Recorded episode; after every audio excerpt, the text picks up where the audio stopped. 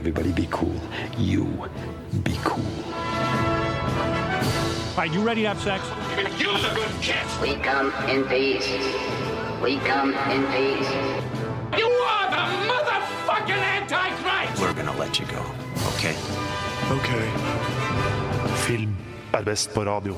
I'm gonna make him an offer he can't refuse. Nova Noir.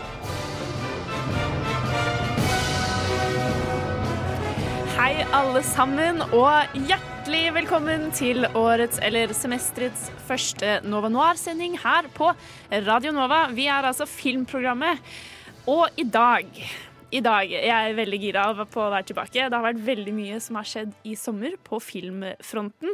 Så i dag skal jeg, eh, Julie Oskar Andersen, sammen med Tage Folland Nei, Tage Liva Sollefsen og Miriam Folland eh, fortelle deg om filmsommeren, seriesommeren. Vi har mye å bearbeide i dag, som vi skal snakke om. Det har vært en lang sommer. Jeg føler jeg har sett ganske mye, men også Ganske lite. ganske lite. Men det jeg har sett, har vært veldig bra. Og det jeg har sett, er liksom sånn verdt å snakke om, da. Du har blitt mer um, raffinert i hva du velger å bruke sommeren på. akkurat det jeg har blitt med åra. Bruke tiden din på. Vi skal gjennom uh, masse i dagens sending. Det blir jeg vil ikke kalle det anmelderbonanza, for det er litt dumt å anmelde en film som kom for to måneder siden. Uh, men vi skal i hvert fall anmelde Once Upon a Time in Hollywood, den nye Tarantino-filmen. Og vi skal også snakke om Scary Stories eh, to Tell in the Dark. Eh, ellers så skal vi jo touche litt på ting som Stranger Things, Black Mirror, Recappe det vi har sett siden sist uh, vi var Eh, her. Booksmart, Years and Years, uh, Good Omens, Big Little Lies. En hel liste. Dette blir kjempegøy. Jeg gleder meg. Dagens tekniker heter Ragnhild Bjørlykke. Og vi setter i gang. Radio nå. OK, Tage, Miriam, uh, gjengen. Eh, Tage, du kan starte. Hva har du sett siden sist? Um, jeg er blitt helt hekta på en Netflix-serie som heter Dark. Eh, Jeg ble anbefalt av noen venner, og det er en serie som jeg har sett uh, ligge der hele tiden. Men det er så mye på Netflix, så man blir litt sånn der uh, Er det en Netflix originalserie? Ja. Okay. Så man blir litt sånn «Ah, Skal jeg se på det her? Ja. Og så, for det er, så, det er så mye, så man må liksom få uh, bekreftelse av noen man liksom stoler på, Mm. til å sette på spesielt serier. Jeg føler ikke at det nødvendigvis er et kvalitetsstempel at det er Netflix som har laget Nei, serien men det, alltid. det var det før. Men så har det blitt så mye av det. Eh, Veldig overflod av Netflix-serier. Oi, jeg tenkte egentlig omvendt. At Først tenkte jeg at hvis det er Netflix-serie, så er det, ikke, er det sikkert ikke så bra. Mens nå eh, vet jeg at det er så sykt mange av seriene og filmene som Netflix lager som har så høy kvalitet. Da. At nå er jeg litt mer sånn ja, jeg kan se den selv om det er en Netflix-film. Uh, bare for å si det, det er sykt mye dritt som et Det er også, det er også veldig sant. Det er så mye De pumper ut så mye ræl. Men Men Dark. Dark er ikke ræl. Det er, uh, man kan sammenligne litt med Stranger Things. Det er mange likhetstrekk, men eh, det er en tysk serie hvor eh, de snakker på tysk. Det er uh, Ja, jeg liker det når det er fremmedspråklig, eller når det ikke er engelsk. Ja. Og Det er alt som Det er uh, som Stranger Things Things litt sånn mystisk. Det er et eller annet som ikke stemmer. Liten by, vinden i Sønn som blir Tyskland. borte, Ja. en skummel skog. Plutselig er det noen som har Det starter med at noen har forsvunnet, og i løpet av første episoden så er det en til person som forsvinner. Ting er knytta til en eh, sånn eh, reaktorlab, eh, mystiske ting, en Ja, det er hule. klare paralleller, da. En hule, um, og det er veldig sånn sci-fi thriller med veldig sånn god drama. Og jeg har sett um, hele første sesong denne uka her. Og det er en serie som tar seg veldig god tid på å bygge karakterene. Det er mange karakterer. Liksom, du følger alle de voksne og barna deres, og så er det knytta til um, veldig masse. Og hver gang du tenker at å shit, jeg tror jeg begynner å se liksom, hvordan ting, to ting linker sammen, så bare åpner det et helt nytt lag. Og Bare sånn, oh shit, it goes even deeper! Så det er uh, sånn type serie som tar sånn litt tid før du virkelig kommer inn i den, men til slutt så blir det sånn OK, du må se neste episode, og så må du se neste episode. Er det en sesong to? Ja, jeg okay, begynte å se sesong eh, skikkelig Jeg skal ikke si hvordan det slutter, men det er verdt det. Når du har sett ferdig sesong én, så er det sånn OK, jeg må se sesong to med en gang. Det er Så bra det finnes Oi. en sesong to, da. Mm. At du ikke må sitte og vente. Ja, Så vet. se Dark. Dark. Ja. Kjempebra. Miriam, hva har du sett siden sist? Uh, jeg, har sett- ja, jeg vil egentlig anbefale en film som jeg så i sommer. eh, Bare sånn siden sist. eh, eh, som er en norsk film som vi anmeldte her på Noir for lenge siden. eh, som heter Harajuku. Som, ja, med Nicolai Kreve. Ja, eh, og den gikk litt under radaren for meg. Eller jeg husker at vi hadde den her, og jeg var litt sånn OK, men eh, sånn Japan-ting-film. Jeg følte ikke helt at jeg vil se den. Eh, Men Nei, så eh, husker jeg at vi ga den ganske god anmeldelse. Og den liksom var litt intriguing, men den bare gikk litt under radaren. Og jeg tror den gjorde det for veldig mange. Eh, Og så så jeg den eh, i sommer, og, eller for noen uker siden, og var sånn egentlig ganske blown away av hvor utrolig kul den var. Den var så mm, annerledes enn det man forventer ut ifra kanskje tit- tittelen. Um, skikkelig, skikkelig god kvalitets uh, norsk film. Mm, Gøy. Med veldig godt skuespill av veldig unge skuespillere. Eh, Nicolai Kleve Broch spiller en pappa. Veldig gøy. gikk vi alltid. um, og den eh, utspiller seg på veldig kort tid på Oslo S. Ja, jeg vet ikke, jeg trenger ikke egentlig å si så mye mer enn det, men den eh, Hvis du vil bruke litt penger på film, hvis du ikke bryr deg om det, så kan du kjøpe den på Viaplay, eller leie den på Viaplay. Og jeg anbefaler deg å gjøre det. Ja. Harajuku. Hara, ja, Ha- Harajuku. Harajuku. Harajuku. Harajuku. Jeg kan ikke sånne Japan-ting, jeg, Julie. Sånn. Nei, Unnskyld, Tage har bodd i Japan. Jeg Japan har mer peiling på Japan-ting enn det Jeg. Men uh, når Sondre tror jeg anmeldte den, han sa at de ikke er i Harajuku i filmen. Så det Nei, er litt sånn her misledende. Hallo. Nei, ja, men mm, kanskje det er noe Ja, mer. Vi vet ikke. eh, vi vet ikke, vet ikke. Men jeg tror hun vant, eh, hun som er hovedskuespilleren i den filmen, vant Amanda nå nylig. Ja, Eller liksom hun vant for den rollen. Så Kult. godt skuespill Godt blir belønnet. Så bra. Eh, vel, jeg, da. Hva du Julie? sett? Siden sist. Jeg at eh, Dere vet det, for det er alt jeg har snakket om de siste to ukene. Eh, fordi eh, Vi skal snakke litt om Good Omens, eh, som er en serie på Amazon Prime som har kommet kom for en liten stund siden. Men i den serien så spiller David Tennant. Eh, jeg så den på hytta, og jeg ble litt obsessed med David Tennant. Eh, sånn, er det 2010? Det er, det er litt, egentlig litt flaut. Men jeg hadde ikke sett Broadchurch, og det kom jo i 2013 og ble ferdig i 2015, og jeg fikk det ikke med meg i det hele tatt. Og jeg er litt sånn hvorfor ikke? For det er så bra, og jeg koser meg glugg i hjel jeg sitter og ser på, for det er et lite eh, Det er et uh, eh, britisk krimdrama satt i Broadchurch. Uh, og det er en gutt som er blitt uh, myrdet, og detektiv Alec Hardy, aka uh, Bay David Tennant, eh, må løse saken sammen med Olivia Colman, eller hans partner Ellie Miller. Og eh, grunnen til at jeg syns, jeg syns at Broadchurch er så bra eh, Miriam og jeg har litt eh, sprikende meninger. Eh, er, det er, ligger i dynamikken eh, mellom de to hovedrollene, og hvordan de eh, blir litt bedre kjent, kanskje venner. Eh, For de er jo på en måte en sånn veldig unlikely match. Duo, ja. unlikely duo. Ja. Han, hun er veldig sånn perky, small, small town woman. Jovial, hyggelig, jovial smiler. politi. Han er sånn gritty, big town cop. Det er, det er, litt, det er jo litt uh, klisjé, men det er en grunn til at det er klisjé, det er fordi det funker. Uh, veldig gøy med sånn stubble og litt sånn Går rundt og er litt sånn gretten hele tiden. Eh, Koser meg masse. Jeg har halvveis gjennom sesong tre, som er den siste sesongen, som er litt trist, men eh, det er for så vidt fint at de går ut for å lage det de skal lage, og så er man ferdig. Ikke sånn endeløs pengepumpende maskin bare fordi Ja, det funker. og det er det altfor mange serier som driver med. Mm. Blir noe, hvis noen liksom eh, catcher on, så skal de bare fortsette til det er daud. Ja, Det ikke så, lenger. eh, så jeg, jeg visste hva jeg gikk til. Jeg visste at det ikke var så mye At det bare var tre sesonger, og det er på en måte Det er greit, for de tre er skikkelig, skikkelig bra. Eh, det ligger på Netflix, så se på Broadchurch, skal vi snakke om det. eh, videre i sendingen så skal vi snakke mer om filmer som har kommet. Vi skal starte med 'Midsommer', men først så skal du få høre Lauren Faith synge 'G's'. Lauren Faith med 'GC' fikk du der. I'm your number one fan. There's nothing to worry about. You're gonna be just fine. I'll take good care of you.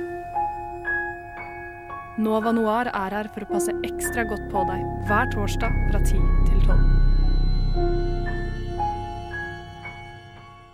Det gjør vi, og vi skal passe på at du får med deg hva som har skjedd eh, i løpet av sommeren. Så den første filmen vi skal snakke om, er 'Midtsommer'. Tage Miriam. Ja, jeg vet ikke, jeg og Miriam er jo Hereditary homies. Hashtag hereditary homies. De var de kanskje i noir, i hvert fall, da, som likte Hereditary best.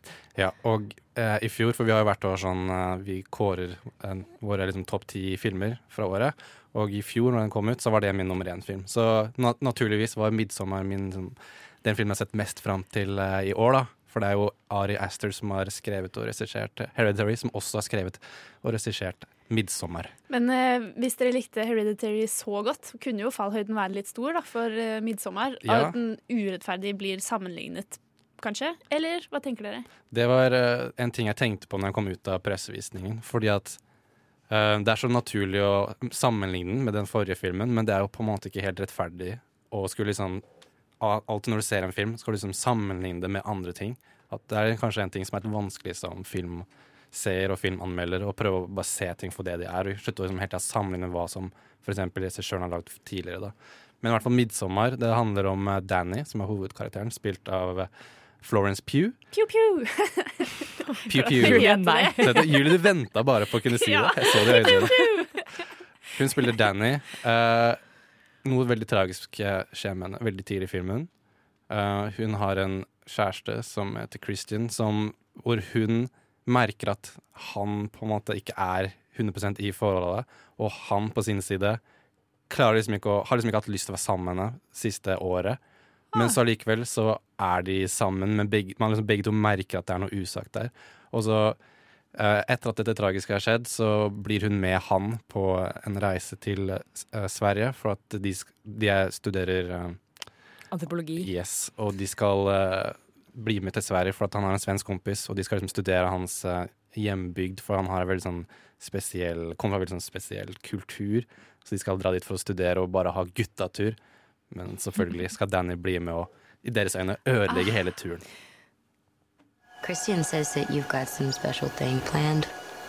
Yeah, it's like a crazy nine day festival. It only happens every 90 years.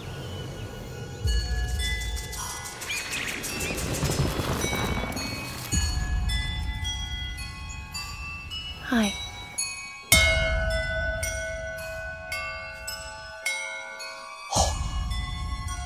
Hello. Theodore. You can't speak. You can't move. But this opens you up to the influence. Ja, det var ubehagelig å høre på. Ja. Var det ubehagelig å se på?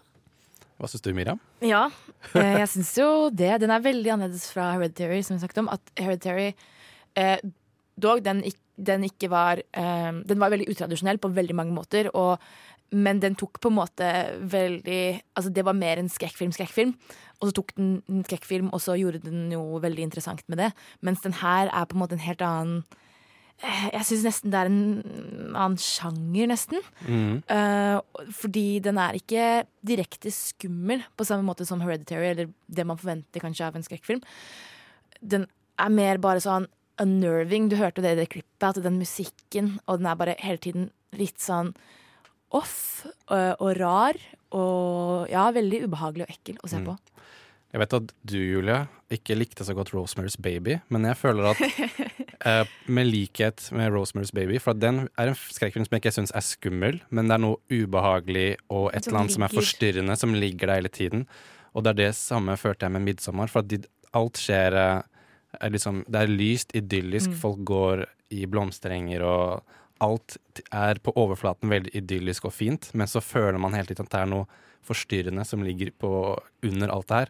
Og um, jeg syns at Ari Aster sin 'Hereditary' var, som du sa, Miriam, på en måte veldig sånn typisk skrekkfilm, skrekkfilm.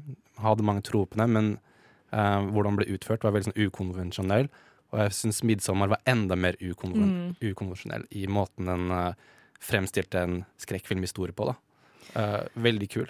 Og jeg, jeg tror det, det som gjør, fordi som sagt, som du sa, så er alt så fint, og det er sommer, og på overflaten virker veldig fint. Og jeg tror det som gjør at det får denne ugne følelsen, har veldig mye med musikken å gjøre, men også sykt mye med filmingen, og hvordan han framer forskjellige scener.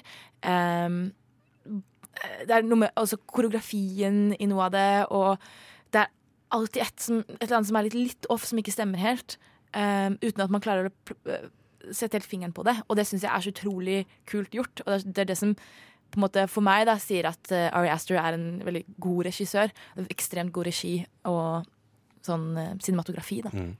Det jeg syns er mest imponerende, var at når de kommer til uh, Horga, som det heter det, i Sverige, så det er sånn småting hele tiden som gjør at du tenker å nei, dette, dette er ikke bra. Mm, nå går det til helvete. liksom, han møter broren sin når de kommer dit, og så har broren også tilfeldigvis vært på utveksling Mm. og tatt med seg to personer fra England.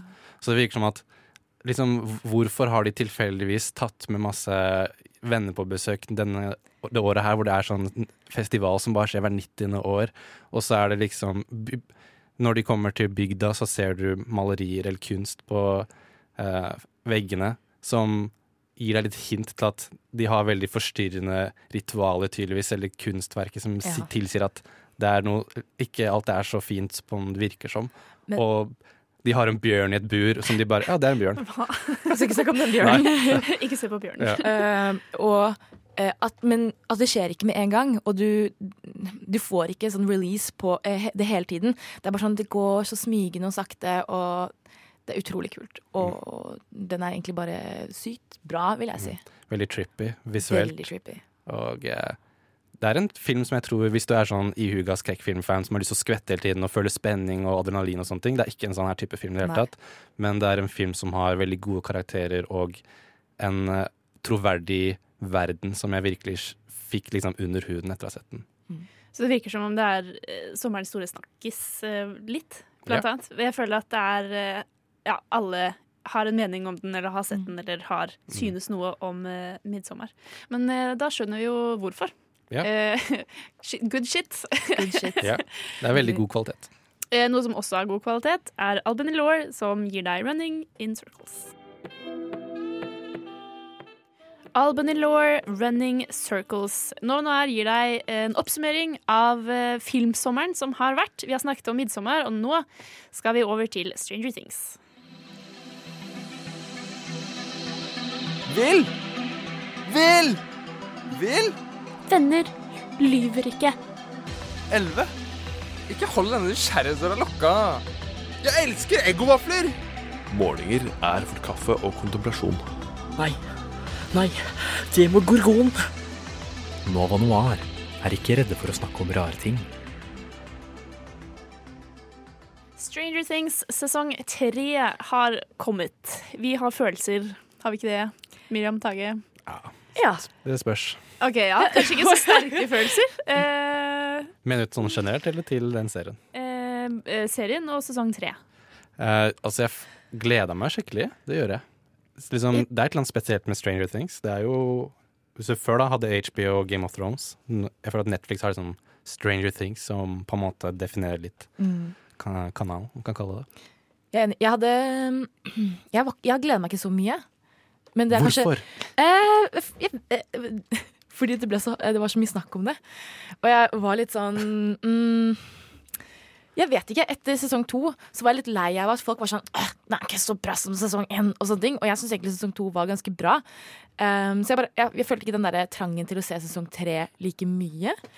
Uh, men så så jeg den, og likte den veldig godt. Jeg tror i hvert fall um, med sesong to, hvorfor den kanskje ble uh, mottatt ikke, så, ikke så godt mottatt, var jo fordi sesong én kom veldig ut av ingenting. Og alle begynte å snakke om det, og det var sånn Har du sett Stranger Things? Herregud, herregud, wow. wow. Uh, og det spilte veldig på sånn nostalgifaktor og barndom og um, at folk hadde kanskje skyhøye forventninger da, til sesong to, og derfor kanskje ble skuffet. Men jeg likte også sesong to, for så vidt. Det hadde ikke samme grep på meg som sesong én hadde, men jeg koste meg likevel. Ja, og jeg tror det var også en av Kanskje i oppstarten av den der 80-talls eh, eh, nostalgi-rævpulinga, holdt jeg på å si. Eh, og, eh, fordi da var det kult For å å si gjøre det det. fint. For å si det litt fint. Eh, men fordi etter det så har det jo bare kommet film etter film etter film etter serie etter serie som bare sånn skal drive og høste inn på den nostalgien, og vi elsker 80-tallet. Jeg sier ikke at her var det første, men det var liksom kanskje litt i starten. Da, så vi syntes at det var jævlig kult, og den gjorde det ikke på en sånn cheesy måte. Sånn som kanskje for eksempel Captain Marvel og andre ting, eh, Ready Player One og sånne ting som kommer ut i etterkant, har gjort. På Ready Player One. Eh, Men uh, sesong tre i Stranger Things er jo kanskje enda mer heavy på 80-tallsfilen. Uh, Ja, altså- Som virkelig har lent seg inn Ja, i 80-tallet. Her er det uh, eh, det er kjøpesenteret, som er et av de hovedstedene hvor de oppholder seg hele tiden. Og det er jo veldig sånn typisk 80-talls-USA at liksom kjøpesentre har en veldig sånn stor eh, plass i kulturen i USA. Og det syns jeg var jævlig fett. Det med kjøpesenteret syns jeg var dritkult. For da var det sånn eh, Eller jeg, jeg følte at vi kunne virkelig kjenne på den magien et, et, The Mall, å henge på The Mall var. Mm. Um, jeg syns det funka veldig bra, men noe jeg syns var litt teit med den der 80-tallsgreia, var at de eh, Sånn her eh, Cola! Eh, new Coke! Oh, do you like Ja. new Coke? Og så var det bare så sykt mye sånn produktplassering, men også sånn Og dette var på 80-tallet. Doesn't make sense. I closed the gate.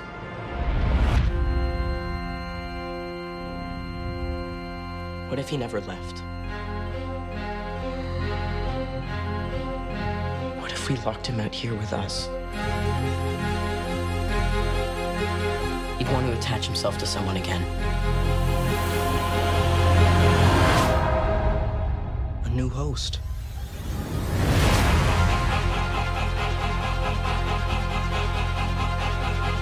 It's building something.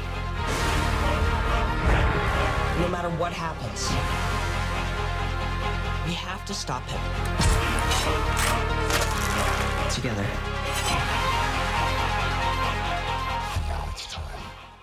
Så sesong tre, altså.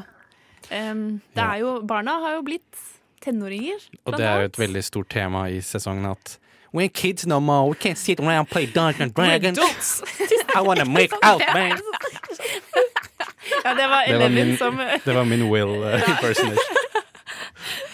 Um, nei ja, i, i, Denne Ja, det, det gikk litt tilbake til å bli litt mer sånn Litt sånn koselig sommerdrama, på en måte. Som eh, minner meg litt om sånn It og eh, Stand by me, og litt sånn filmer som er litt sånn Vi sykler rundt og koser oss, og, men jeg har blitt litt interessert i jenter. Um, litt mer feel good enn de forrige sesongene har vært. Jeg syns de andre sesongene har vært mye mørkere. Ja, det er litt toneskifte. Den er ikke like skummel Mm. på Mm. samme måte. Det Men- ligger, ligger litt av at det er satt eh, liksom helt på slutten av sommerferien, så det har den derre uhu, vi Ja. sommer- og skolefri-vibben, og folk eh, lounger i community pool og drar på kjøpesenter og spiser uh, chips og hoil ice cream eller hva det heter. Scoops Ahoy. Ahoy. Eh, og uh, jeg tror de har fokusert mye mer på å prøve å være morsomme denne sesongen her. Det er mye mer humor. Og Noen Mm. ganger så faller det litt flatt, og noen ganger så funker det veldig bra, Synes jeg. Mm. Hva syns vi om det? Hvordan påvirker det sesong tre? Syns dere da at de går for et sånt toneskifte og prøver å gjøre noe litt, litt nytt, da, vil jeg si? Det, en ting som jeg slo meg veldig når jeg så det, som jeg følte at jeg ikke likte det like godt lenger, var at jeg følte at spesielt sesong én og to, for jeg så det på nytt igjen etter å ha sett sesong tre, var at de to sesongene er, som du sa, Miriam, mørkere og litt mer seriøse. Mens nå så følte jeg at det liksom kommer inn uh, plott med, som har med russere å gjøre, og ting har, det, ting har blitt veldig sånn her, nesten litt sånn Scooby-Doo-aktig, Ja. føler jeg. Blitt nesten sånn tegneserie. At det føles veldig Altså Det har alltid vært sci-fi og ting som er sånn upside down og monstre og sånne ting. Mens nå så gjør ungdommene ting som jeg føler at de aldri i verden ville ha gjort i virkeligheten. Mens uh, det var litt mer troverdig før, da. Ja. Og så har jeg falt Jeg føler at jeg har falt litt av plottet. For jeg føler at de bare prøver å gjøre det samme på nytt igjen og på nytt igjen hver eneste sesong. Ja, jeg, eh, ja. jeg syns at det ble litt sånn kitschy, jeg vet ikke om det er riktig ord, men at det ble litt sånn De eh, feeda inn i hypen rundt Stranger Things, og så ble de litt høye på seg selv. Og så var det sånn, nå skal vi også leke med det konst... Eller sånn Mm. At de eh, lot seg på en måte bli veldig påvirket av hvordan internett og verden responderte til Stranger Things. da. Og det til, litt til det verre. Men uh, jeg syns fortsatt at det var ganske gøy å se på. Syns det var spennende. Jeg, det minner litt om Friminutt. Husker du den friminuttsfilmen ja! som hadde, var sommerferie? Oh, Så, det, er noen, det er noen skumle folk som gjør noe under skolen vår, og vi er de eneste som vet om Ja. det. Litt sånn. Og det, jeg, jeg digga den delen av det. Mm. Og det, den var liksom varm og god og kul. Så alt i alt, i det store og det hele, vi har fortsatt troa på Stranger Things. Ja, Og kommer det en sesong fire, kommer vi til å se Ja. den. Jeg tror, jeg er ikke 100 sikker, men jeg tror jeg har planlagt to sesonger til. Okay. Men jeg føler at de burde bare bli bare avslutt så fort som mulig, egentlig. For at jeg føler at du, sånn historiemessig så er det ganske tynt, egentlig. Så det er liksom, jeg føler at det lever, en serie som lever veldig på at det er karakterer vi virkelig digger, som er Mm. dritfantastiske. Kule skuespillere, mens historien, alt liksom tar sted. De er ikke like bra som karakterene. Så jeg begynner å bli litt sånn wrap, Ja, wrap it up. Wrap it up. Eh, videre i vår eh, oppsummeringsbonanza-sending så skal vi blant annet eh, snakke om, litt om Black Mirror, for det har også kommet. Eh, vi skal også anmelde den nye Tarantino-filmen, som jeg vet at mange gleder seg til. Eh, så jeg tror dette blir veldig spennende. Bli med oss videre på Novo Noir på Radio Nova. Nå kommer Myd, som synger Muchas. Den kule sangen der heter Muchas og er sunget av Myd. Any of you sons of got anything else to say? Now's the fucking time! Nova Noir sier ikke annet enn det som er verdt å si om film.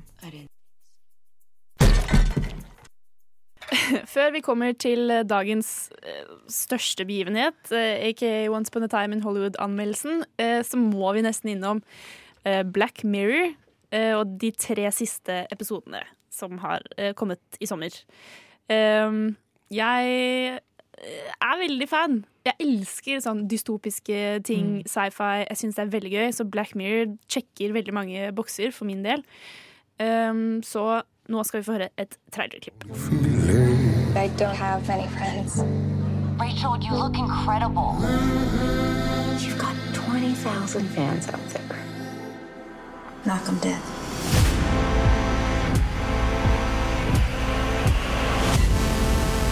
You have to brace yourself.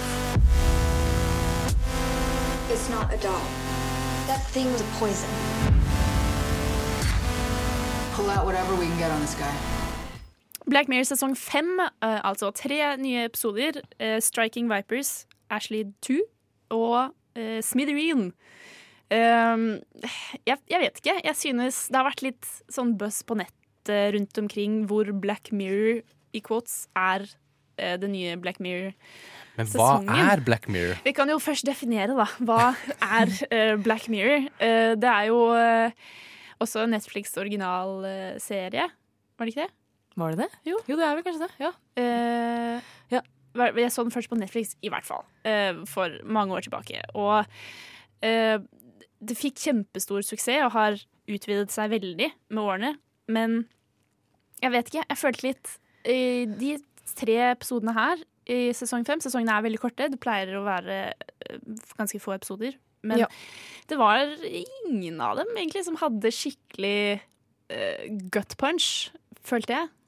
Ja, det, det skal jo på en måte være sånne fremtidsspådommer. Så hver episode det er en antologitype eh, serie. Så hver episode er på en måte en, et, et nytt univers eller en ny Har bekreftet at alt er i samme univers. Det men det er på er samme forskjellig Det er Miriam, dette er en greie. OK? okay men det, nei, hvem har Det sagt stemmer. Hvem har sagt det? Eh, Folk har sagt det. Folk det er, på Reddit har sagt det?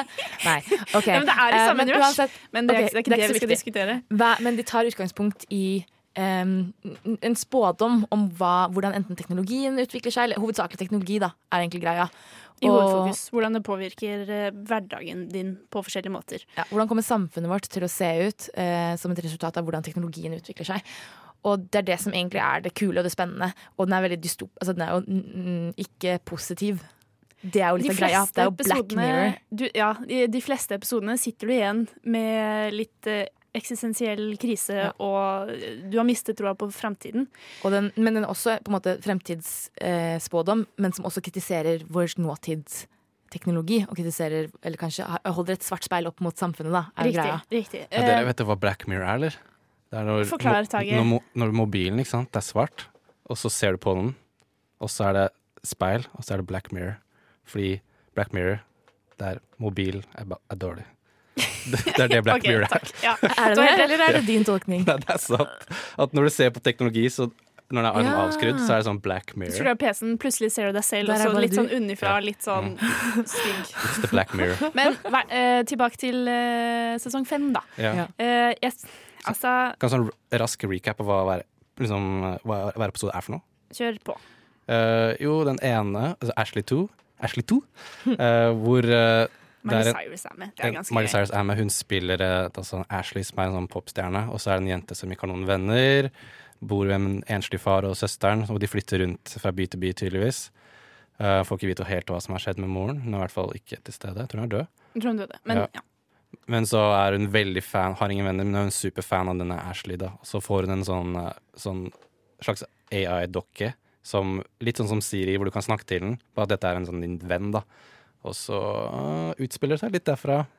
Ja, så du ser både parallelt den jenta og den dukken, og så uh, Ashley O, eller Miley Cyrus sin karakter, som også har noen ting som hun struggler med. Yes. Ja, uh, veldig gøy med Miley Cyrus, da. Det er det. Uh, men den Jeg følte at både den episoden og kanskje den Striking Vipers, som handler om to venner som begynner å spille et eh, hva skal jeg si, et eh, videospill sammen. Veldig kort fortalt. eh, og som begynner å ta over livet deres på, et, på en litt uventet måte.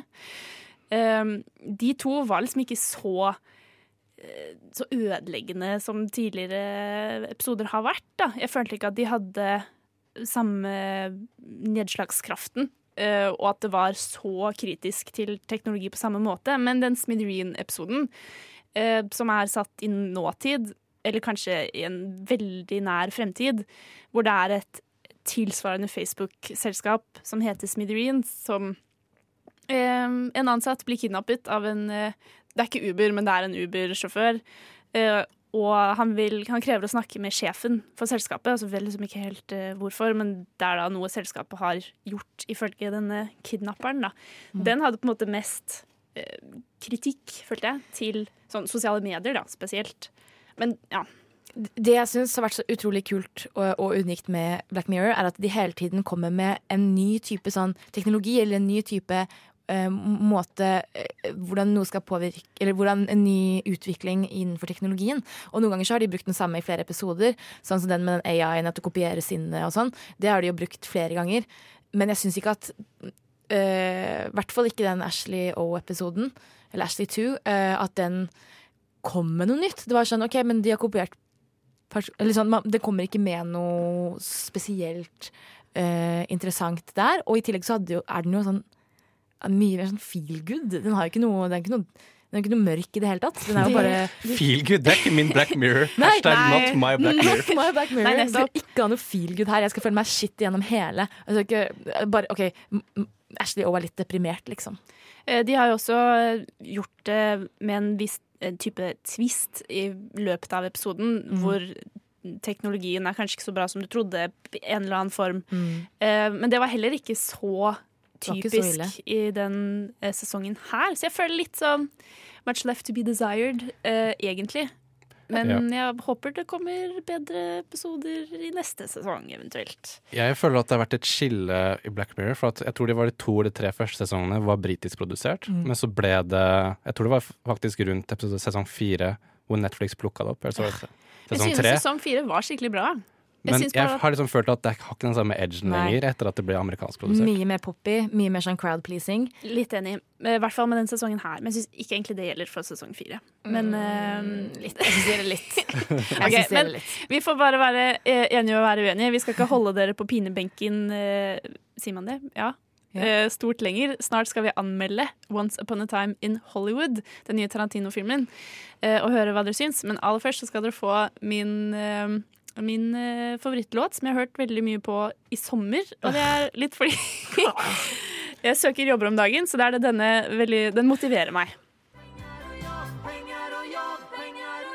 Killa-døden med, ja, du gjettet det, penger og jobb.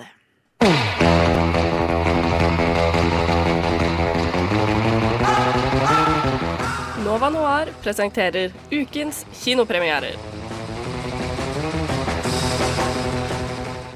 Tage, du har sett Once Upon a Time in Hollywood. Oi, oi, oi. Jeg snakka om tidligere at jeg gleda meg til midtsommer. Du kan gjette på at jeg gleder meg til The hype eh, is real. Once Upon a Time in Hollywood. Tarantino, den niende Quentin Tarantino-filmen. Og han har sagt så lenge at han bare skal lage ti filmer og så gi seg.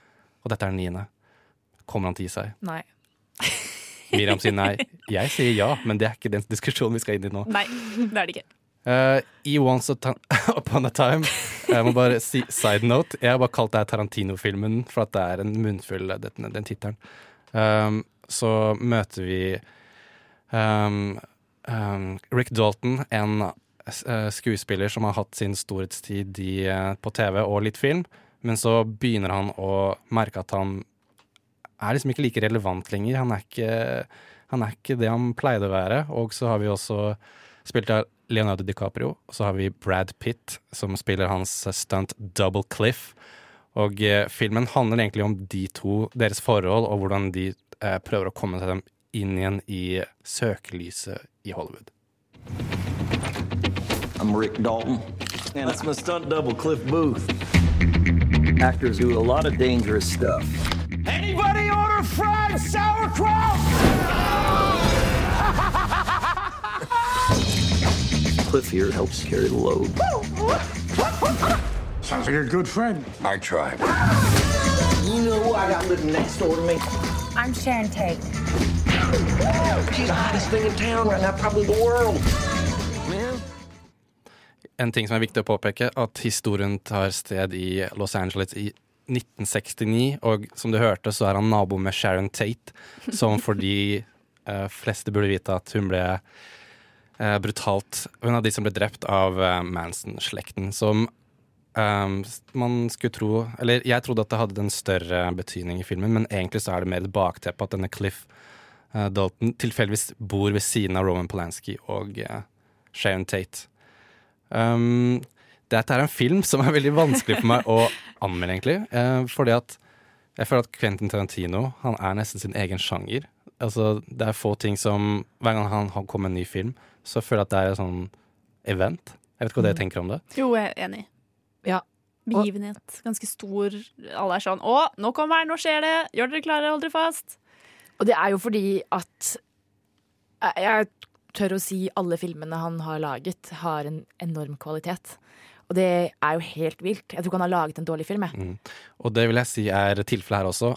Altså, håndverket er Det er, det er mesterlig, rett og slett. Det, er, det blir nesten ikke bedre.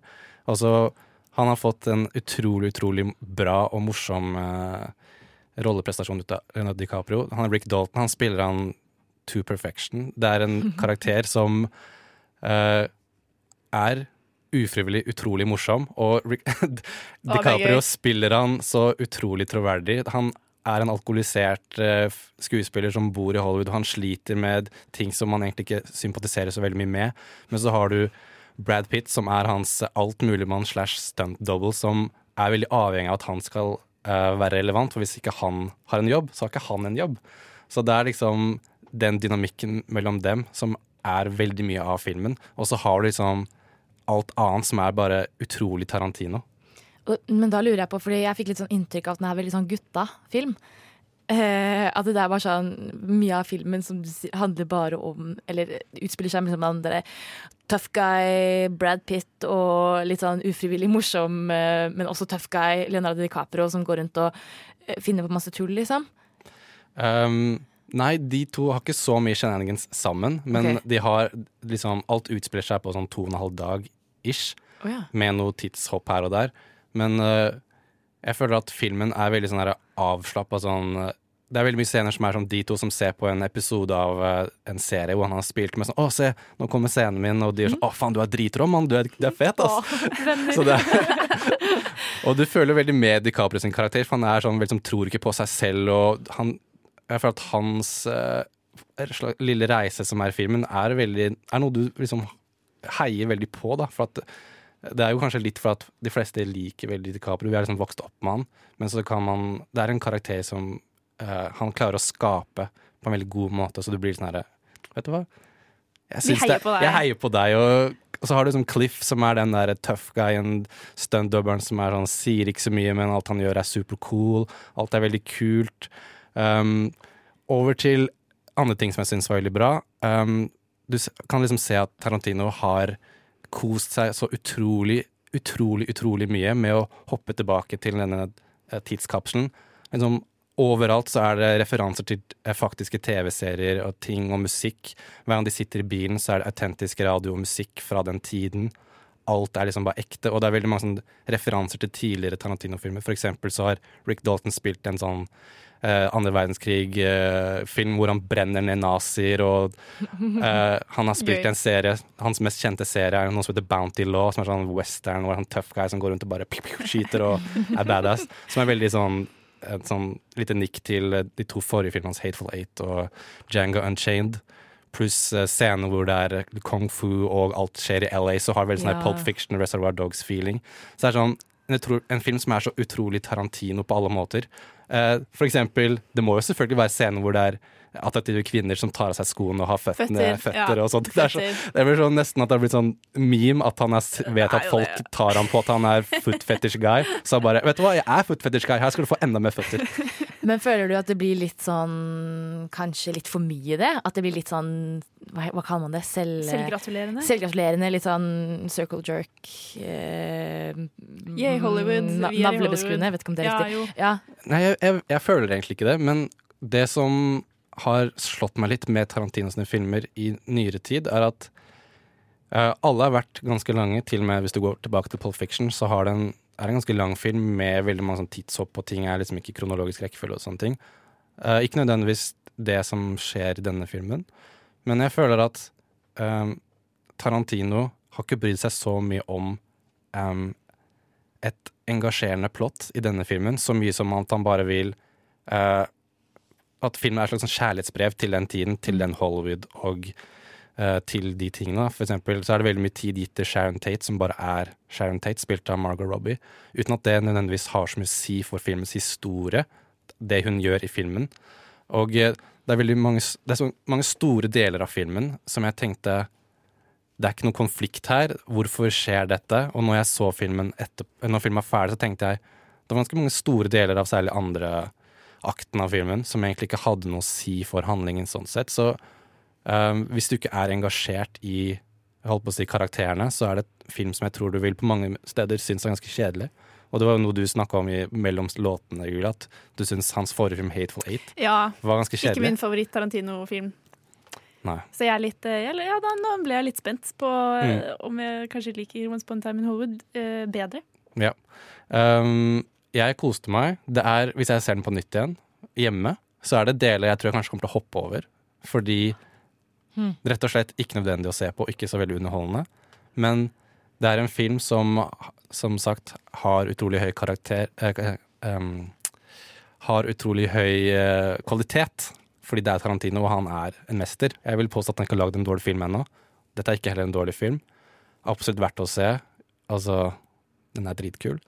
Uh, jeg vil gi den en åtte av ti til Once Upon a Time in Hollywood. Absolutt verdt å se. Ja, jeg tror alle, selv om vi hadde gitt den to av ti, så tror jeg alle hadde gått og sett den.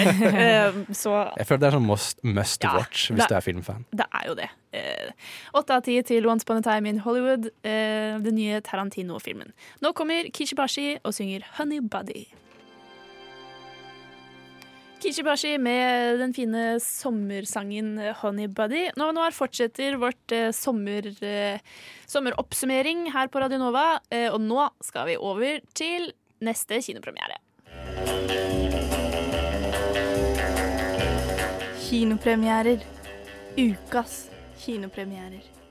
For Miriam, du har også vært på kino og sett en film. Jeg har det, og, men aller først så lurer jeg på eh, Da dere gikk på barneskolen, husker dere en bok som het Vandrerhistorier? Nei. Ok, Kanskje det bare var på min barneskole, men vi hadde, har du, husker du den, Ragnhild? Der, eh, Tekniker Ragnhild knows what up. ja, men jeg husker den så veldig godt, fordi den var alltid lånt av biblioteket. Og det var veldig vanskelig å få tak i den, fordi du måtte liksom, du måtte liksom kjenne noen. Det var du liksom måtte der- liksom, kunne gi den videre, ja, ja. liksom. Og så var det sånn, når du fikk den, så bare leste du den fra perm til perm, og den var så utrolig eh, spennende og ekkel og skummel, og bare sånn masse sånn korte vandrerhistorier, da. USA har en eh, eh, Ikke den samme, men en annen. Som er eh, det liksom, amerikanske equivalent. Som heter 'Scary Stories to Tell in the Dark'. Og den er skrevet av Alvin Schwartz.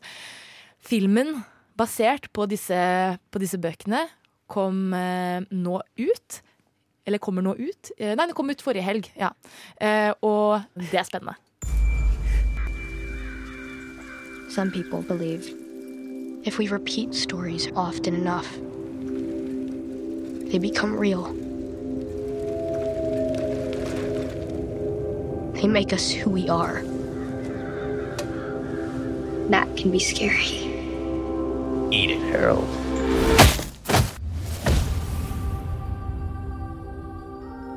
Do you want to see a haunted house? Some kids went missing, so they boarded it up. Okay, we saw it. Should we go now? Who ordered the chicken? Dramatisk. Vet du hva, det der hørtes spennende ut. Ja. og året er 1968, og Stella, Chuck og Agi er eh, nerd, en nerdete liten vennegjeng eh, som henger sammen gjennom tykt og tynt. Og eh, tykt blir jo da når de bryter seg inn i et gammelt, forlatt spøkelseshus, eller et haunted house, på eh, selveste halloween. Og de finner da en bok som har noe sånn mm, myteomsust rundt seg. Eh, og da er jo det denne boken som er det scary, eller sånn skumle historier, da. Så det, det er litt sånn som Grøsserne, Ja. den filmen. Hvor de når du, sånn den filmen når du leser disse grøssene, eller når han skriver de, og så skjer de på ekte. Ja, det er noe sånt. Jeg skal ikke si helt akkurat hvordan det blir, men det er en eh, skummel bok Mm. med historier om barn som forsvinner eller blir drept. Det føler jo at det er eh, At det drar på litt det samme som Stranger Things gjør, da. Med sånn en vennegjeng, Ja. noe mystisk som skjer, og de drar for å undersøke. Ja, minner veldig om sånn It og Stranger Things og sånn, sånn type sånn ja, vennegjeng som er litt nerdete, blir litt mobbet på, og så oppdager de noe veldig skummelt. Men er du litt lei av det, eller klarte filmen å løse det på en god måte? Altså, den filmen her blir liksom så klassisk skrekkfilm som det går an. Det er liksom Haunted. House, ja. okay, og så er det nerdy friend, og så er det en mobber som kanskje får litt uh, Som fortjent. Som fortjent. uh, og, ja, og sånn town law og veldig mye sånne ting. Uh, men den prøver ikke å gjøre noe mer, den prøver å gjøre det best mulig, og det syns jeg den får til. Eh, så jeg syns ikke det vippa over til å bli klisjé. Ja, den har noen ting og noen eh, litt skriving som er litt sånn OK. ja. men men jeg, jeg syns den var spennende. Jeg syns den var på en måte eh, uforutsigbar nok allikevel til at det gikk veldig bra. Jeg har hørt veldig mye om at den har veldig gode praktiske effekter. For det er jo forskjellige, som, forskjellige monstre og sånn type ting, så vidt jeg har sett fra trailerne. Følte du at Eller var det bra, rett og slett? Monsterne? Nei, sånn de praktiske Effektene. effektene og sånn type ting. For det er jo Mm. ofte det som kan ødelegge en sånn skrekkfilmskurk eller monster, hvis det er dårlig CGI, eksempel. Jeg syns ikke det var noe dårlig CGI, og jeg syns det var veldig creepy, de eh, monstrene som kom. For det er litt sånn, ja, uten å si for mye, så er det sånne ekle, litt sånn deformerte Som man ser da i traileren. Eh, monstermenneskeaktige ting som er veldig, veldig kule. Men den har ikke den samme sånn eh, skumle CGI-effekter og blablabla, masse ting som skjer. Eh, for den relyer ikke så mye på det, syns jeg, og det er veldig kult. Den er creepy for det. Um, og en annen ting som jeg syns gjør at den er veldig kul, målgruppen er jo på en måte litt yngre enn uh, for eksempel i It. Uh, så den er uh, aldersgrense 15 år, så det er ikke noe blod i den. Eh, og den mm, Ja, den føles på en måte litt mer sånn barnevennlig. Mm. Men allikevel er ganske skummel. Sånn, jeg, I hvert fall jeg syns den var dri, jeg synes den var kjempeskummel. Mm, men du merker at den er target, altså målrettet seg mot ungdommer, da. Men syns du at det var, eh, ble filmen dårligere av den grunn? Syns du? Og det er jo barneskuespillere også. Det er alltid litt risky. Um, altså, nei, den ble ikke noe dårligere. dårligere. Uh, kanskje jeg ikke liker den like godt som jeg liker f.eks. It, da. Men, men den er på en måte heller ikke beregna på meg. Men jeg syns det var kult å se den allikevel. Um, så jeg syns egentlig det bare var bra, jeg. At den retta seg veldig inn på det og prøvde å være veldig sånn um, det, den, det den er, da. Tro mot seg selv. Tro mot seg selv. Og det syns jeg var veldig kult. Hvis du må ende på Ja, en, en score på en- en skala fra 1 til 10? En score eh, seks av ti. Seks av ti til Scary Stories to Tell in the Dark. God film. Veldig mange lange titler på filmer på anmeldelsene her i dag. Eh, fint på radio. Eh, da har vi altså anmeldt både Once Upon a Time in Hollywood, som fikk åtte av ti, og Scary Stories to Tell in the Dark, som fikk seks av ti her på Nova Noir hos eh, Radio Nova. Eh, før vi går videre og snakker om HBO-seriene Years and Years og Big Little Lies, så skal du få høre Bollywood gir deg La Vie. Franske vibber her på Radio Nova. Bollywood synger La Vie rett inn i øret ditt. Vi er nå nå er. Vi fortsetter eh, sommerens eh, oppsummering av serier, filmer. Vi har mange følelser og mye vi må snakke om. Eh, Nå er det altså tid for Big Little Lies. Used to like that song. I used to like to sit on your face, too. You think that'll happen again? Give me one fucking reason. I wanted a Gulf Stream. Ow! What the fuck? Fucking pitiful. We're creatures of want. Jesus. You know, we are. Me, you. God, especially you. What? What the fuck are you doing? What the fuck? What are you doing? Are you fucking kidding me? Did I ever explain to you that I wanted more? Is that what I said to you? Maybe I wanted more. Just get the fuck out. Oh, Please. please. Just stop being Oh dramatic my and God, drive, you're will gonna you? blame me? You're gonna blame me? Did I say I was blaming blame you? me while you lost my fucking money? I didn't Get say- the I'm fuck just out saying of my car! nothing happens this in is a my vacuum. fucking car! Calm out of the fucking car! God. Oh my god! Oh my... Will somebody give a woman a moment? Å, det er så ikonisk. jeg elsker Big Little Lies. Fy faen, damer, ass! Dere damer, ass. Am I right, guys? Oh my god. Nei, takk. Big Little Lies sesong to. Uh, jeg tenker det største spørsmålet var treng, Fordi sesong én var skikkelig bra. Mm. uh, men trengte vi en sesong to? Kan du kjapt si hva det handler om for de som ikke har hørt om Big Little Lies i det hele tatt? Ja, Big Little Lies, eh, både sesong én og to, da, handler om eh, mødre som bor i Monterey i California.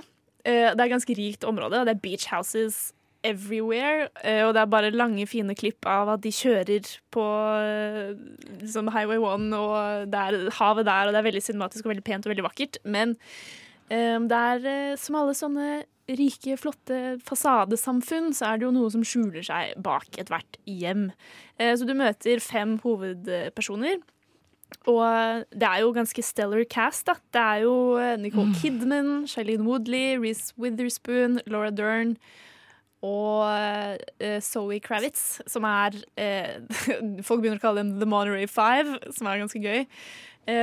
som har sine liv, alle mødre, der eh, hvor det, sånn, de tar bare Det er så sykt på kornet. Sånn krevende foreldre på barneskolen som tror at deres barn er det aller beste og fineste i hele verden og fortjener spesialbehandling.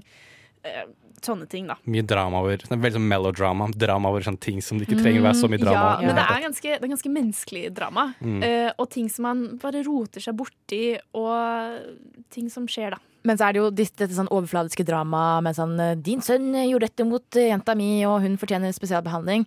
Eh, eh, så har vi også det større underliggende drama som er mye, mye viktigere. Fordi helt i starten av første sesongen så har eh, noen dødd. Og så driver vi og finner ut hvem, hvem har dødd, eh, og Hvordan? hvordan. er de involvert. Hva er det som har skjedd? Og så går det tilbake, da. Mm. Um, og sesong to, da har vi jo funnet ut av hvem som har blitt Hvem døde på slutten av sesong én? Det er liksom den store eh, Du får svaret på gåten, da. Eh, og sesong to blir da fulgt opp med eh, hvordan dette, denne hendelsen har påvirket dette ganske tette samfunnet hvor alle vet hvem alle er. Mm. Det er masse rykter. Eh, det er mye ekteskapsproblemer i forskjellige varianter, og den tar opp veldig mange eh, viktige tema. Eh, og sånn behandler det på en veldig fin måte, syns jeg. Eh, både med eh, vold i hjemmet og eh, voldtekt og mye Mye stort og tyngt, tungt, og vanskelig, da. mm. Men uten at det blir for sensasjonalisert, føler jeg. Eh, også. og så er det, det er bare, altså Meryl Streep dukker Mm. også opp i sesong to som denne avdødes personens mor og begynner å blande seg opp i alles business. Og er bare så Åh, jeg, jeg ble så sint da jeg satt og så på henne. Hun kom skikkelig under huden på meg, og det, var, det er bare kjempebra skrevet og spilt. Det ja, det er, det er det. Og til spørsmålet ditt om trengte vi en sesong to? Trenger man noe? Er det, liksom. Men sesong to var kjempebra. Jeg synes, eh, Kanskje i større grad enn for eksempel Stranger Things, da, Mm. eh, som vi snakket om tidligere. Riktig. At denne sesongen virkelig eh, holdt sitt eget, da. Eller sier man det på norsk? Ja, øh, og jeg på, Jeg syns ikke det er noe poeng å sammenligne sesong én og sesong to, for de er såpass like, og Mm. historien er såpass øh, sømløst Eller overgangen da, mellom sesong én og sesong to er ganske sømløst. Og vi tro, visste ikke at det kom til å bli en sesong to. Det var liksom ikke, jeg tror ikke det var planlagt ikke heller. planlagt, Så jeg syns det er ganske overraskende hvor bra de har fått til eh, Big Little Lies sesong to, da. Jeg syns jo at se sesong én var uh, en perf sånn per perfekt sesong med historie, rett og slett. Enig. Så når jeg fikk vite at eh, det kom sesong to, så har jeg aldri følt trangen til å se det, fordi at det var så tilfredsstillende hvordan hele historien uh, avslutta i sesong én. Så jeg følte som at dette er en historie. Jeg trenger liksom ikke Ja, det er bra, men, og jeg vet at jeg kommer til å like det hvis jeg tar meg tid til å se det, men jeg følte liksom ikke at jeg trengte å se det, fordi det var liksom bra. Det er jeg for så vidt eh, litt enig med deg i, men eh, når det er sagt, så så jeg sesong to, og nesten bare vært det for å se Meryl Streep alene i action, fordi fy faen, det er, det er så er helt sykt vilt å se på. bra å se på. Det Og- alene er liksom verdt å se det. Yes, jo, men jeg syns Jo, faktisk det. det er helt utrolig. Eh, og eh, karakterene Det er veldig gøy å se hvordan de kommer seg videre, om de kommer seg videre, eh, på hvilken måte. Og hvert fall karakteren til Laura Dern går gjennom en liten forvandling. Og Som du vi hørte på starten her. Som vi hørte på starten her. Uh, og hun får, du får litt mer sympati for henne enn det du hadde i sesong én. Og det syns jeg også er ganske, ganske fint, og måten det skjedde på. Ja, jeg syns egentlig at skrivingen er såpass bra at det, det gjelder altså både for Laura Dern sin karakter og eh, Meryl Streep sin karakter, som er veldig interessant og spennende å følge med på, men alle karakterene får en sånn ny dybde. Og jeg føler ikke at det, det blir sånn OK, nå lager vi en sesong to. Eh, Og så skal det bli en sesong tre. Altså De bare fyller på universet fordi vi liker karakterene. Jeg følte at den historien som ble fortalt i sesong to, var en veldig god Også en sånn derre Dette er en veldig god historie. Den funker veldig bra. Trenger ikke egentlig å gjøre det noe mer enn det. Og at den fortjente å bli fortalt, kanskje. da Ja, det er enig. Vi får se om det blir en sesong tre, da. Og hva som skjer der eventuelt. Eh, det er jo ofte Man vil jo ikke at Hvis man syns sesong én var så bra, så er man ofte litt om taket da. Kanskje kvier seg litt for å se videre fordi det funket så bra. Og hvis det er dårlig, så er det så kjipt at historien for deg da skal slutte på et dårlig punkt. Men uh, jeg syns ikke dette gjaldt for eh, Big Little Lies. Jeg lurer på om sånn oppfølgeserie sesongangst er en ting. For jeg føler alltid sånn her, Hvis noe har vært bra, så er det sånn, nei, jeg vil ikke se mer i tilfelle det blir dårlig. Der satte du ordet på det. Helt perfekt. Uh, vi skal videre i sendingen. Vi skal snakke litt om Years and Years, også en HBO-serie. Uh, jeg syns den bærer litt preg, eller kan sammenlignes litt med Black Mirror. Eh, men eh, først får du høre Juno synger They See You. Juno, They See You på Radio Nova, Nova Noir, filmprogrammet som gir deg eh, oppsummeringen av eh, seriesommeren, filmsommeren, som har, nettopp har vært. Og nå eh, må vi snakke litt om Years and Years fra eh, HBO, med Emma Thompson, blant annet, i, eh, i førersetet. Nei, det er ikke helt riktig. Eh, Hun er med, da. Men jeg føler at dette er Jeg har hørt, eh, så i hvert fall nå i det siste, folk snakker litt om Years and Years her og der, uten at jeg selv egentlig visste hva uh, greia var. Det, det er jo en serie med Det er en miniserie. Så den har seks episoder. Den er ferdig. Det er ikke noe mer etter det. Eh, Og de er eh, på én time hver. Og den spenner seg over et, eh, fra, Den starter i nåtiden, og så går den 15 år frem i tid. Og ser hva som skjer i løpet av disse seks episodene. da. Um, og Russell T. Davis, kanskje hovedsakelig kjent for å ha liksom reviva Doctor Who-franchiset, uh, har laget denne serien, og han forklarer den sånn her. En, an epic drama following a family over 15 years of unstable political, economical and technological advances. What sort of world are we in? Because if it's this bad now, what's it going be like for you in 30 years' time? 10 years? 5 years? What's it going be like? Did you know you can live forever? Don't you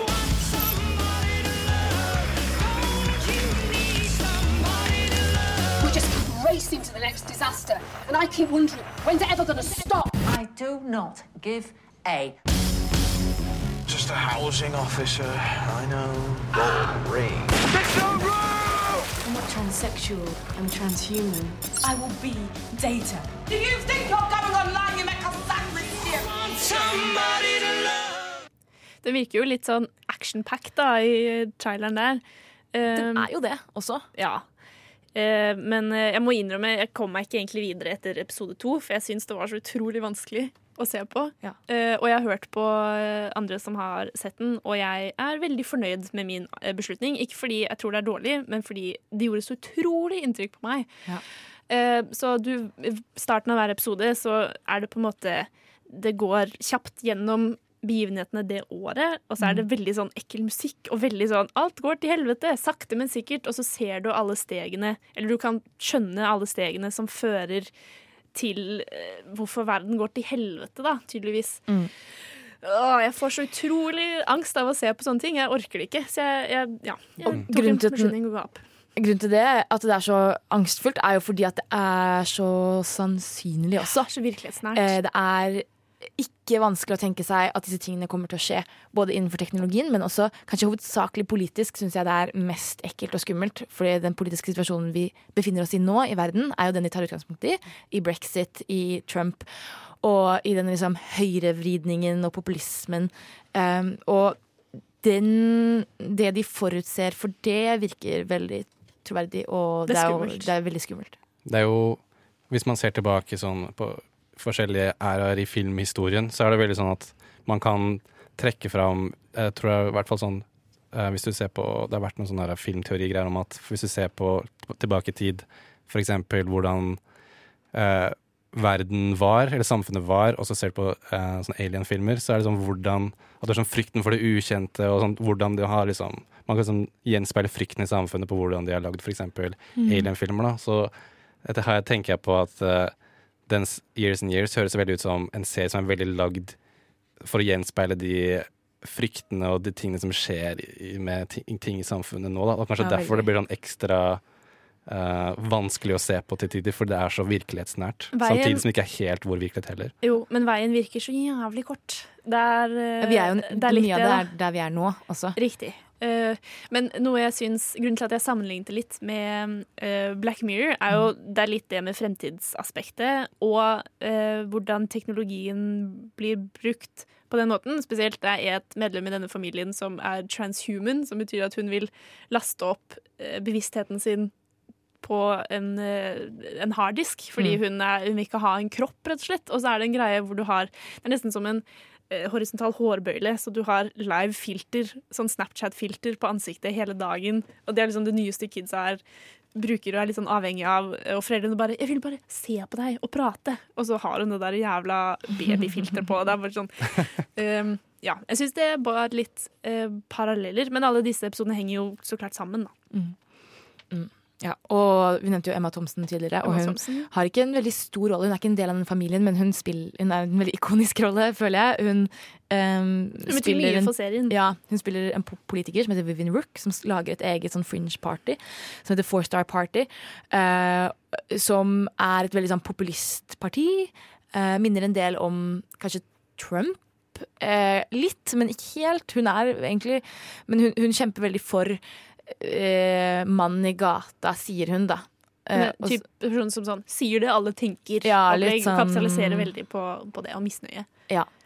Og den er, den er kjempebra. Så det er på en måte alle dimensjonene av den serien her som gjør det så bra. Du har liksom det politiske, du har også det environment...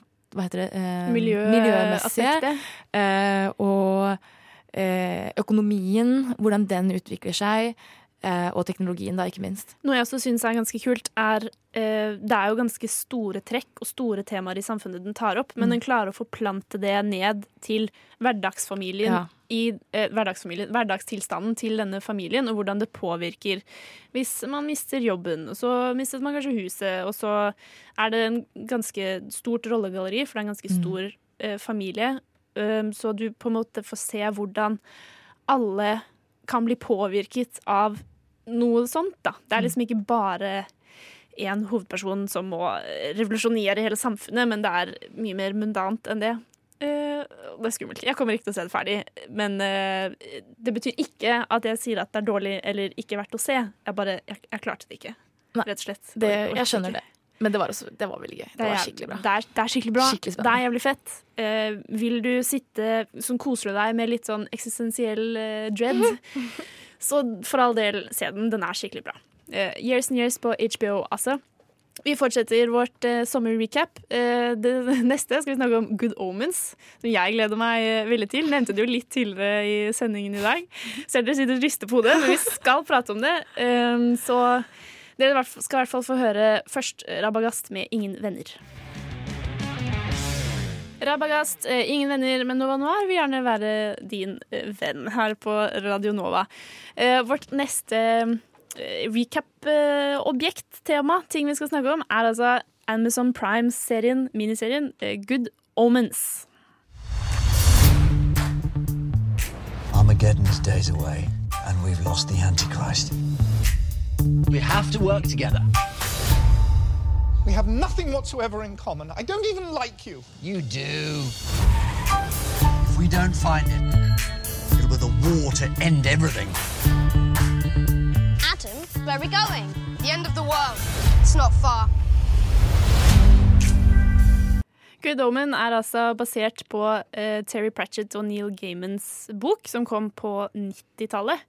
Eh, og hvis du ikke vet hvem de er, ganske store forfattere eh, innenfor fantasy-sjanger, i hvert fall.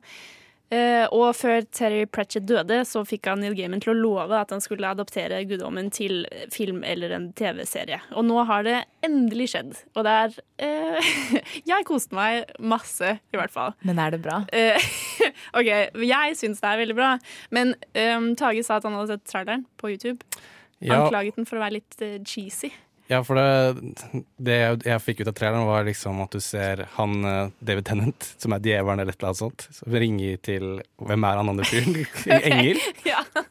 Og så bare It's the end of It's the Armageddon, eller et eller annet sånt. We have to work together, the good and the bad guy. Ja, det er jo for så vidt det serien handler om. Og den, jeg vil si at den er ganske cheesy, men det er noe av det beste med eh, serien. Og det er også et prosjekt hvor man ser at alle som har vært involvert, har bare kost seg glugg i hjel. Og jeg tror det har hjulpet å ha Neil Gaiman, eh, som har sittet eh, med styringen gjennom hele prosjektet. Og det er altså uh, David Tennant og Michael Sheen i hovedrollene, Uh, og en demon som heter Crowley, og en engel som heter Aziraphale, som teamer opp for å stoppe Armageddon. Fordi de har vært på jorden litt for lenge og blitt litt for fan av uh, crepes og eh, spise middag og drikke vin og det gode liv, da, rett og slett. Så når eh, dette begynner å skje, så stopper de på en måte hvert sitt hovedkontor, fordi både englene og demonene har veldig lyst til at dette skal eh, get going. Men noe som gjør den guddommen så bra, syns jeg, det er en ganske nisje. Det er en veldig spesifikk type eh, humor. Og jeg kan, godt, jeg kan godt være med på at kanskje ikke det er for alle, men eh, hvis du generelt liker fancy ting, så er det veldig gøy. Og eh, det er noe med sånne unlikely duo friends som eh, jeg virkelig setter pris på og syns er veldig gøy. Eh, har du sett Lucifer på Netflix? Nei, jeg kommer ikke til å se det, tror jeg. Okay, Bare fordi- det handler om Det betyr ikke at det er samme greia. Nei, jeg vet, men jeg får litt samme vibes, litt samme sånn humor, og Lucifer er så krisedårlig, liksom. Ok, ja, men det er noe helt annet. Okay. Uh, men um, i Good Omens er det, det er veldig bra kjemi mellom David Tennant og Michael Sheen. Og John Hamm er også med, som er uh, veldig gøy, og spiller erkeengelen Gabriel, som er litt den sånn inkompetente sjefen som alltid blander seg opp i det du skal gjøre. Eh, så det er, det er bare Det er hyggelig. Frances McDormand ser jeg på lista her. McDormand, McDormand er også med. Stemmen til Gud. Veldig, veldig. Veldig passende, syns jeg. Um, så det tuller mye med teologi, og uh, mye med litt sånn uh, buddycop-troper også. Uh, så jeg vil gjerne på det sterkeste anbefale den til alle. Hvis du har en viss forkjærlighet for fancy, eh, slik jeg har, så tror jeg du kommer til å synes det er gøy. Og Neil Gaiman har skrevet sykt mye bra, og han har skrevet han er blant annet veldig kjent for Sandman, eh, den tegneserien. Som jeg og- begynte å lese for noen måneder siden. Gjorde du det? Ja. Liker du den? Ja, jeg liker Ja. det kjempebra. Den er jo på en måte en av Tines største nei, tegneserier. Um, og så har han skrevet American Gods, som også er en serie på Amazon Prime, som jeg syns var veldig kul, og jeg syns boka er veldig bra. Så eh, jeg har litt troa Jeg tror ja, på deg når det du er sier det er mye, bra. mye eh, hans MO, da, føler jeg, i hvert fall kanskje med American Gods også, er sånn personifisering av store konsepter. Mm. Eh, en engel og en demon, men hvordan ser de ut? Hva liker de? Hvordan prater de sammen? At det er på en måte det er der humoren og kjemien og varmen ligger da, i denne serien. Eh, så altså eh, Gjør et forsøk. Jeg vet ikke. Ha et litt åpent sinn. Det er veldig gøy, og det er koselig, rett og slett. Kanskje en motvekt til Years and Years. Eh, hvis det ikke er helt greia di, kanskje Good Omens er det. Vi fortsetter videre. Vi skal, snakke, vi skal gi deg faktisk ukas anbefaling her om et lite øyeblikk. Men først så hører vi Toy Savoy med Church. Det var eh, Church, sunget av eh, kanskje det morsomste artistnavnet på A-lista for tiden, Toy Savoy. Toy Savoy. Sliter du med å bestemme deg? Nova Noir hjelper deg å ta de viktige valgene. Skrekk eller komedie? Drama eller thriller? Splatter eller humor? Kostymedrama? Eller sci-fi? Vi guider deg gjennom et hav av beslutninger. Nova Noir presenterer ukens anbefaling. Miriam, har du noe du vil anbefale våre kjære lyttere? Ja, for i sommer så kom det en sykt kul film ut. eh, og det er nemlig Olivia Wildes regidebut uh, Booksmart, som er en superbadesk buddyfilm om to nerder som prøver veldig hardt å forlate high school med et brak. Oh shit. Are we gonna go to school or? What's two plus two? Isn't it crazy that it's the last day of school? Are you kidding me, Samantha? Go talk to her. She's got a really cute smile. Amy, do you know how many girls are gonna be up your vagina next year? Every time I come to visit you, you're gonna be scissoring a different girl. Dude, scissoring is not a thing. Don't knock it until It's you've tried it. thing. Don't knock it until you've tried it. Booksmart, altså. ja. Eh, Så Amy og Molly har brukt hele skolegangen sin egentlig på å gjøre de smarte avgjørelsene, lese til prøver, eh, holde seg langt unna festing og drikking. Eh, Så nå er det siste skoledag, og de får egentlig sånn tidenes FOMO og bestemmer seg for at de må på liv og død dra på en episk fest for å bevise både for seg selv og for klassekameratene at de er kule, da. Var ikke litt av greia at de har liksom tenkt ah, vi kan ikke dra på fest, vi må lese til prøver. Ja. Men så har alle de der som har festa hele tida, også kommet inn på de bra skolene. For det var sånn, eh, okay, fordi de liksom mob mobber henne litt, da, for hun er litt sånn uptight. Og så er hun sånn OK, men eh, jeg kom faktisk inn på eh, Yale, så jeg vet ikke hva dere skal gjøre neste år. Og så er det sånn Jo, jeg skal på Harvard. Jeg skal jobbe for Google. Og så bare Jeg går hun til alle, alle de bare sånn Hvor, Hva skal du? Og så er hun sånn «Ah, Ja, jeg kommer kom inn på fjerdevalget mitt. Stanford. ja. Eller, det var bare sånn, Harvard. Eh, veldig morsomt. Og da var det sånn Fuck, jeg kan ikke slutte på high school uten å ha vært på en fest. Det går ikke. Ikke hatt det gøy enn én. Eller de har hatt det gøy. Det er jo to bestevenner. Men uh, jeg følte det er en film man kan kjenne seg veldig lett igjen i. I hvert fall det man uh, Forholdet mellom disse to bestevennene, da, hvor én er uh, litt sånn kontrollfreak og uptight og litt sånn pushy, mens den andre er litt mer sånn mellow. Bare ja, nei, OK, vi kan gjøre det du vil. Eh, Um, og hvordan de to hovedrolleinnehaverne, den kjemien de hadde dem imellom, var bare så utrolig eh, gøy og fin å se på.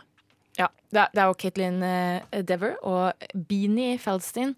Og Beanie Felsin er litt kjent fra litt sånn andre ting. Blant annet hun spilte bestevenn til Lady Bird i Lady Bird. Uh, med, og Caitlin Dever jeg har ikke sett, eh, sånn, kjente henne ikke igjen fra så veldig mye, men de er så flinke, og de spiller så naturlig og kult. Og jeg tror mye av det har med at manuset her er veldig, veldig godt skrevet Kjempebra. også. Uh, men de bare Du blir så med, da. Du er, bare, du er, du er on board på det vennskapet der. Uten at det blir Ja. Liksom for mye, eller For for, mye, for, ja. klisjé eller for teit. Mm. Eh, og ja, den var liksom veldig virkelighetsnær, samtidig som den er absurd nok, for det er jo film, og de skal jo bruke det for det det er verdt. Eh, og de klarte å surre det sammen på en veldig fin pakke, da. Mm. Eh, og de roter seg oppi ganske mye rart og mye gøy, eh, og mye eh, litt eh, traumatisk, kanskje, på et tidspunkt. Men det føltes ikke for fjernt eller for crazy eller for out there allikevel. Eh, Så ganske virkelighetsnær film på et vis allikevel. Veldig morsom. Veldig gøy.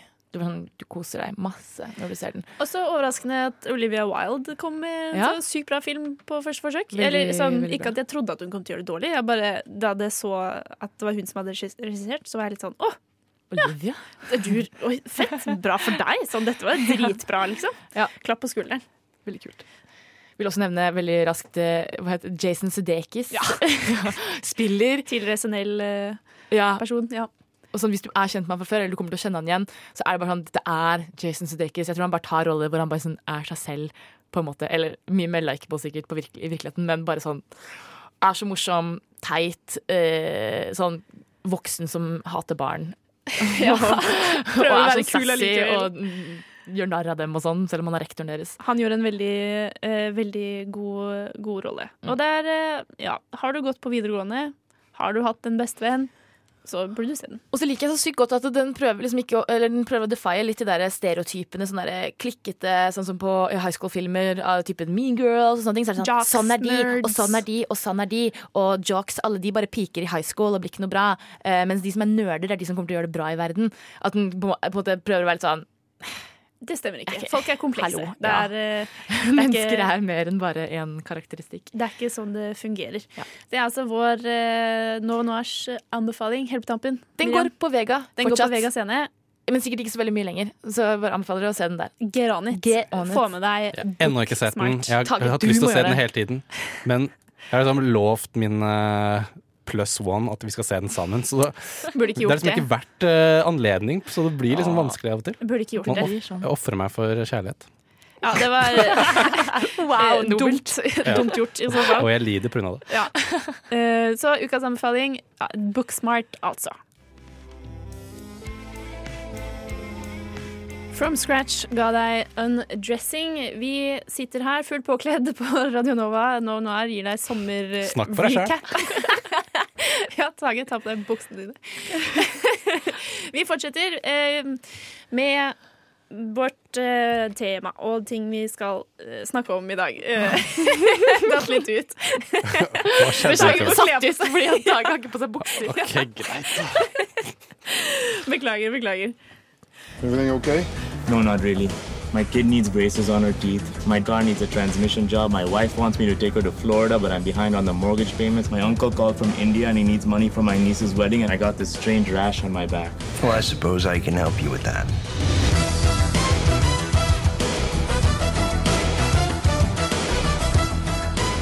Novenar gir deg de riktige rådene. Det gjør vi. Vi anbefalte jo nettopp eh, alle å se Booksmart, blant annet. Eh, nå er vi jo litt eh, ferdig med det vi har sett i sommer, da. Nå tenkte jeg kanskje at vi kunne prate litt om hva er det vi gleder oss til av film som kommer. Tage, har du noe du gleder deg til? Jeg gleder meg til så mye, vet du. Men eh, spesielt film. Jeg- Eller serier òg, da. Det er lov. Ja. Men eh, Men uh, det er én film som jeg plutselig så traileren for for kanskje en måned siden, som jeg gleder meg Som jeg begynte å glede meg umiddelbart til når jeg så traileren. Fordi det er en uh, film av Ryan Johnson. Som, uh, han er ferdig med Star Wars nå. Han har laget uh, og nå får jeg brain freeze. Looper, Looper, for Å, eksempel. jeg liker Looper. Han er veldig okay. god på sånn kule sci-fi thriller. Han er. Elsker kule sci-fi Ja. Men han skal lage en um, murder mystery-film. Litt sånn type Litt sånn uh, Murder on the Orient Express-aktig film, bare at det er uh, en film som heter Knives Out. uh, med Det er liksom en, en fyr på sin 85. bursdag eller noe sånt, som har blitt drept, og så har det bare masse folk som er på besøk, og så er det sånn Hvem har gjort det? Og det er Åh, elsker en god Ja. who eh, det er veldig sånn Agatha Christie, og jeg tror det er Daniel Craig som spiller en sånn detektiv-type fyr som skal finne ut av hvem som har gjort det, og så har du masse sånn Sånn, litt sånn som Cluedo-type karakter. Sånn her, den personen og den personen. Og, eh, for bare for å nevne noen som spiller i filmen. Vi har for eksempel eh, Chris Evans fra Avengers-filmene. Jamie Lee Curtis. Tony Collette fra Hereditary. Shit. Dette blir bra. Michael Chen og en skuespiller som jeg digger, eller Keith Stanfield. Fra for eksempel Sorry to Bother You og Atlanta. Å ja.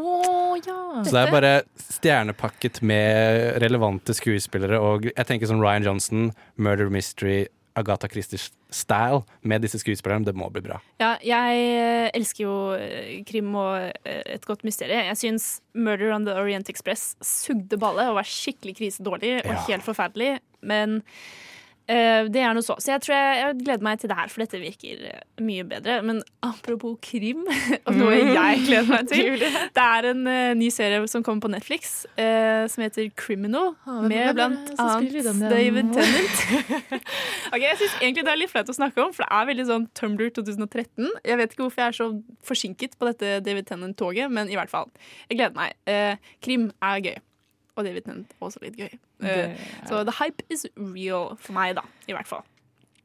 Er det noe du gleder deg til, Miriam? Ja, jeg gjør det. Eh, For no, to dager siden, eller noe, eh, eller for noen dager siden, så kom traileren, den første traileren til Little Women er ut. Og hvis du ikke kjenner til Little Women, så er det en klassisk eh, roman om eh, fire søstre som vokser opp eh, på 1700-tallet. Og eh, den er bare helt utrolig eh, fantastisk. Og den har altså en del filmatiseringer. Og nå er det den nyeste filmatiseringen som skal lages av ingen andre enn Greta Gerwig. som, herlig! Ja, som eh, vant Oscar blant annet i fjor for Lady Bird. Var det ikke det? For Jo. manus. Og hun eh, og den ser så sykt bra ut, og det castet er bare helt sånn mind-blowing. Ronan, Emma Watson Florence Pugh fra Pew Pew. som Midsommar. Laura Dern, eh, Meryl Ja, Streep. Ja, Det er bare helt sånn Og Timothy Charlemagne. Herregud. Og det bare er skikkelig, skikkelig Og den ser så utrolig rar og liksom sånn quirky, men også Quirky. fantastisk kul og vakker. Og jeg gleder meg masse. Jeg prøvde å lese boka, det funket ikke så bra. Men jeg er litt mer gira på, på filmen. Og Greta Gerwig er jo alltid gøy også. Hun er det. Hun er det. Eh, noe annet jeg også gleder meg til. eh, nye Thor-filmen til Marvel som de skal lage. Gleder du deg? ja, for det er Taika Waititi som også skal være med på det prosjektet. Og nå er det jo eh, Female Thor, aka Natalie Portman, eller Jane, som skal ta opp eh, hammeren videre. Oh my God. ikke kampen. Um, så jeg, Det har ikke kommet noe særlig trailer, og sånn, men jeg er litt gira på Marvels neste, neste fase. Hva som kommer til å skje. Og Hva hvem som blir med, og hvem som ikke blir med. Jeg klarer faen ikke å bli noe hypa på jævla Marvel lenger. Egentlig så er jeg sykt lei eh, og irritert. Og bare sånn, egentlig klarer jeg faen ikke mer hype.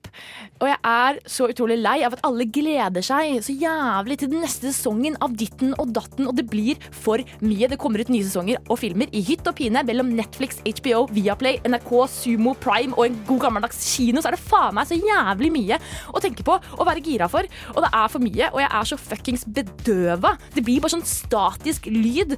Og eh, sånn Game of Thrones, det har jeg ikke sett det, det siste. Jeg gidder ikke. Stranger Things, og jeg klarer ikke å bry meg. Endgame, fuck Endgame og MCU langt opp i Thanos sin anus, eller hva faen den memen er. Jeg er så jævla lei av at alle er så jævla gira.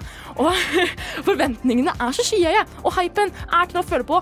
Og nok folk på vors snakker om sine spådommer eh, rundt Game of Thrones og Aria og dragene. At du visste alt som kom til å skje, du, i siste sesong av Game of Thrones. Og når du så det, å nei, så ble du så jævlig skuffa, fordi det var ikke akkurat det du ville ha, og folk på internett klikker, og Reddit klikker, og jeg, ah, Det er så jævlig, faen. Jeg gidder ikke å snakke om hvor skuffende Game of Thrones sin siste sesong var, eller Bæ, dritt. Og selv når folk snakker om sånn endgame og hvor bra det var, og eh, hvor liksom sånn eh, Jeg gråt på slutten etter tredje gangen jeg så den eh, også, eh, så bare Jeg gidder ikke. Jeg har bare én ting å si. Bare slutt. Slutt å hype, fordi du ødelegger alt. Takk, Miriam. Jeg tror uh, Miri er litt irri uh, om dagen. Uh, vi går videre i, i sendingen. Dere får høre Cashmere Factory med Young. Nei. Cashmere Factory, en tidligere A-listesang her fra Radio Nova, ga deg Young. Og vi er ved veis ende i dag. Dessverre er klokken snart tolv. Men Novenor er jo tilbake neste uke. Torsdag neste uke klokken ti. Eh, kanskje ikke oss tre, men eh, en annen fin gjeng som gir deg filmanmeldelser. Eh, det meste, egentlig. Har dere hatt en bra sending, Tage? Miriam? Veldig bra. Eh, føles godt ut å være tilbake igjen og snakke film med dere. Jeg har savnet å bli kjeftet på av Miriam på lufta, det må jeg si. Det var eh, forfriskende. Godt å være tilbake, eller hva? Det var deilig å få blå litt steam. Bli kvitt masse følelser du har gått og båret på hele sommeren, kanskje. Eh, vi har eh, vært innom masse i dag. Vi har prøvd å recappe hele sommeren for deg, kjære lytter. Vi har anmeldt Once Upon a Time in Hollywood. Tage ga den. Åtte av ti. Verdt å se. Quentin er tilbake. Yes. Eh, Miriam ga deg anmeldelsen av Stranger Nei, Scary Stories to Tell in the Dark. Seks av ti. Vi snakket litt om Stranger Things. Vi har snakket om Black Mirror, Big Little Lies, Years and Years, Good Omens og anbefalte Booksmart. Så vi har vært innom det meste, føler jeg. Nå er vi klar. Midtsommer. Snakket vi om. Det er bra du sa, det glemte jeg. Vi har eh, snakket om det meste som har skjedd i sommer, rett og slett. Så jeg gleder meg til å snakke og se fremover og hva filmverdenen har å tilby eh, videre. Nå, nå er jeg tilbake neste uke. Jeg er Julie Oskar Andersen, Tage Rivas Tollefsen, Miriam Angela Folland og Ragnhild Bjørlykke var tekniker i dag. Tusen takk, og vi ses igjen neste uke.